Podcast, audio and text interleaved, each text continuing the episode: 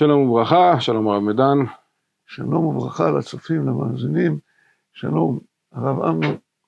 אנחנו השבת נקרא את עשרת הדיברות או עשרת הדברים בלשון התורה, והדיבר האחרון לא תחמוד, לא תחמוד בית רעך, אחר כך לא תחמוד אשת רעך. שאלה מפורסמת שכבר שאל אותה האבן עזרא, איך אפשר לצוות על אדם לדכא מחשבות שליבו חושב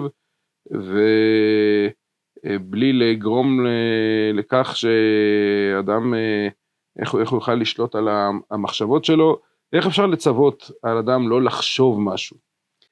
כן, באמת האבן עזרא וגם רבנו בחיי רואים את מצוות לא תחמוד כמצווה שבמחשבה, בחמדת הלב. והתשובה איך ניתן לצוות? ניתן לצוות. אדם יכול לשלוט על תאוותיו, להסיח אותם מליבו, אדם יכול לקחת דברים שהוא חומד, להפוך, להעלות אותם, להביא אותם לדברים יותר טובים. ניתן לצוות על אדם במחשבה, כמו שיש לנו כאן גם מצוות אמונה וכל מה שקשור בה. אדם בכוח רצונו שולט גם על מחשבותיו, הרצון הוא דבר יסודי יותר מאשר המחשבות. לא המחשבות מולידות את הרצון, אלא במידה רבה הרצון מוליד את המחשבות. אני לא אגרר יותר מדי למשפט הזה, כי זה יביא אותנו לפוליטיקה. אבל, אבל לעניין שלנו, זוהי כאמור שיטת בעלי ההגות, אבן עזרא, רבנו בחיי, בעלי ההלכה בעקבות הגמרא, רואים בלא תחמוד מצווה מעשית, שלא ללחוץ על אדם יותר מדי, כאשר אתה רואה משהו יפה אצלו, שאתה רוצה אותו, אל תלחוץ, אל תלחץ על העניין הזה יותר מדי. למה הדבר הזה חשוב? למה חשובה גם שאלת החמדה בלב? אני חושב שהפרשה במקרא, שמסבירה את זה יותר מכל, ואני חושב שחשוב יחד לא תחמוד ללמוד אותה, זוהי פרשה הידועה לכולנו ועונה לשם כרם נבות. וכך נאמר שם, בפרק כ"א במלכים א', ויהי אחר הדברים האלה כרם היה לנבות היזרעאלי אשר ביזרעאל אצל היכל אחאב מלך שומרון. וידבר אחאב אל נבות לאמור, תנה לי את כרמך, ויהי לי לגן ירק, כי הוא קרוב אצל ביתי, ואתנה לך תחתיו כרם טוב ממנו, או אם טוב בעיניך, אתנה לך כסף מחיר זה. נבות לא מסכים כי זוהי נחלת אבותיו, ואחאב שב אל ביתו שר וזעף, הוא חומד בלב, נכון, אמת ויציב, אבל בוא תראה, מה, מה קרה מזה? כל העבירות שקרו מחמת זה, זה לא אחאב עשה, זה איזבל. היה שם לא תענה בריכה את שקר, היה שם לא תגנוב, והיה שם כמובן מעל כולם לא תרצח. העידו בו עדות שקר, הרגו אותו, איזבל לקחה את הכרם, את העונש מקבל אחאב, גם איזבל, אבל את העונש העיקרי, הדברים שאומר לו אליהו, הרצחת וגם ירשת, הוא אומר את זה לאחאב, אחאב רק חמד, אבל בוא נראה למה חמדה עלולה להביא כדי שנדע כמה אדם צריך לשלוט גם על תאוותיו וגם על מחשבותיו. שוב, לדעת בעלי ההלכה, מדובר כמו שבאמת קרה כאן, גם כאן. ניסיון להפעיל לחץ על אדם, לכאורה להפעיל לחץ זה חוקי מאוד. כדי שימכור, זוהי הגמרא אומרת, אומרים את זה כל הראשונים, הרמב"ם, האם הוא בעל הלכה או בעל הגות? גם וגם. גם וגם. ולכן הרמב"ם הוא היחיד שמבדיל בין לא תחמוד לבין לא תתאווה, שנאמר לנו בספר דברים, ולא תתאווה בית רעך. והוא אומר לא תחמוד, זה הפעלת לחץ מעשי, לא, סליחה, אה, כן, ולא תתאווה, כן, ולא תתאווה, זה במחשבה. כלומר, שני הדברים האלה נכונים. אני רוצה קצת להסביר, שים לב כמה בולטת כאן מילה אחת. לא תחמוד בית רעך, לא תחמוד אשת רעך, וכל אשר לרעך. כמה בולטת כאן המילה רעך, וכמה זה מצלצל לכולנו. ואהבת לרעך כמוך, יש לו, תן לו את זה ואל תלחץ עליו.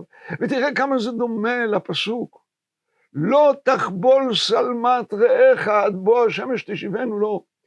אדם יכול לקחת מהשני בצורה חוקית, הוא ילווה לו כסף.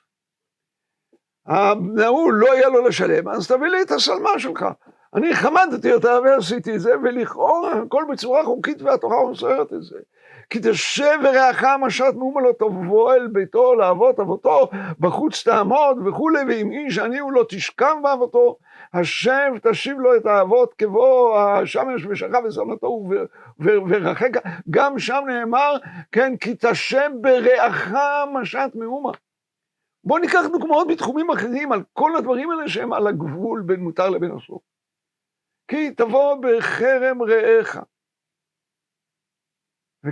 ואכלת ענבים כנפשך שובעך ואל כליך לא תיתן. כי תבוא בקמת רעך וכתבת מלילות בידיך וחרמש לא תניב על קמת רעך. עוד פעם שלוש פעמים רעך. כאן התורה כבר התירה לי לאכול. אז אני אוכל עוד ואני אוכל עוד ואני אוכל... לא! תשמור על הרכוש של רעך, תאכל רק כמה שאתה רעב עכשיו ולא יותר מדי, תשמור על זה. לא תעשוק את רעך ולא תגזול, העושק זה לא גניבה. בסדר, אני אשלם לו קצת יותר מאוחר וכל מיני כאלה דברים. שוב רעך, כל הדברים האלה קשורים לחמדת ממון, לחמדת מה שמגיע לרעך, ואני יכול, וניתן להביא בדבר הזה עוד פסוקים רבים. כמה התורה צריכה להזהיר על הדבר הזה, שהוא על גבול לקיחת ממון אסורה, או לקיחת ממון מותרת. בואו ניקח עוד דוגמה אחרונה. חז"ל אומרים קרקע אינה נגזלת, הכל בסדר. והנה לא תשיג גבול רעך אשר גבלו ראשונים. אני רק מזיז קצת את הגבול, זה הכל, אני לא גוזל, קרקע בחזקת בעליה קיימה, הכל טוב. בכל המקרים האלה של ממון גבולי, התורה אמרה רעך או רעך, והכל לקוח, לא תחמוד ואת רעך. כן, לא תחמוד אשת רעך. וכל אשר לרעך. הגמרא במסכת גיטין מספרת סיפור שמזכיר את כרם נבות, על שוליה של נגר שחמד את אשת אדוניו.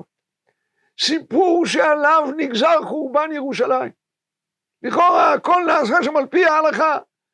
הוא פיתה את הנגר לגרש את אשתו, והוא לקח אותה, הכל נעשה שם על פי ההלכה.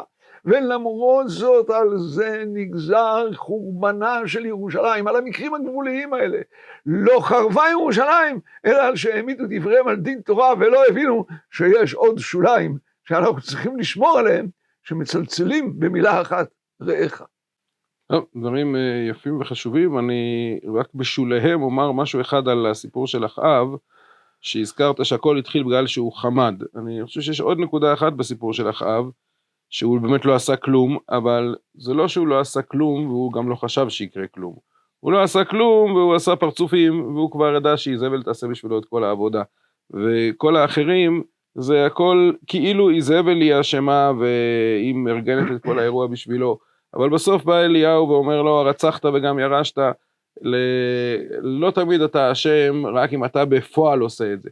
אם אתה מלך ואתה יודע שקריצה אחת שלך כבר תדאג לסדר לך את הכל, אז אתה הוא הרוצח, ולא תמיד מנהיג יכול להתחמק בזה שאחרים שהבינו את כוונתו, עשו את מה שהם חשבו שהוא רוצה, והוא כאילו לא עשה שום דבר, וגם זה מסר חשוב שאפשר כן, ללמוד מהפרשה. כן, בוודאי, נכון מאוד. יישר כוחך, שבת שלום, ושהקדוש ברוך הוא יזכה אותנו לראות ישועות ונחמות. אמן.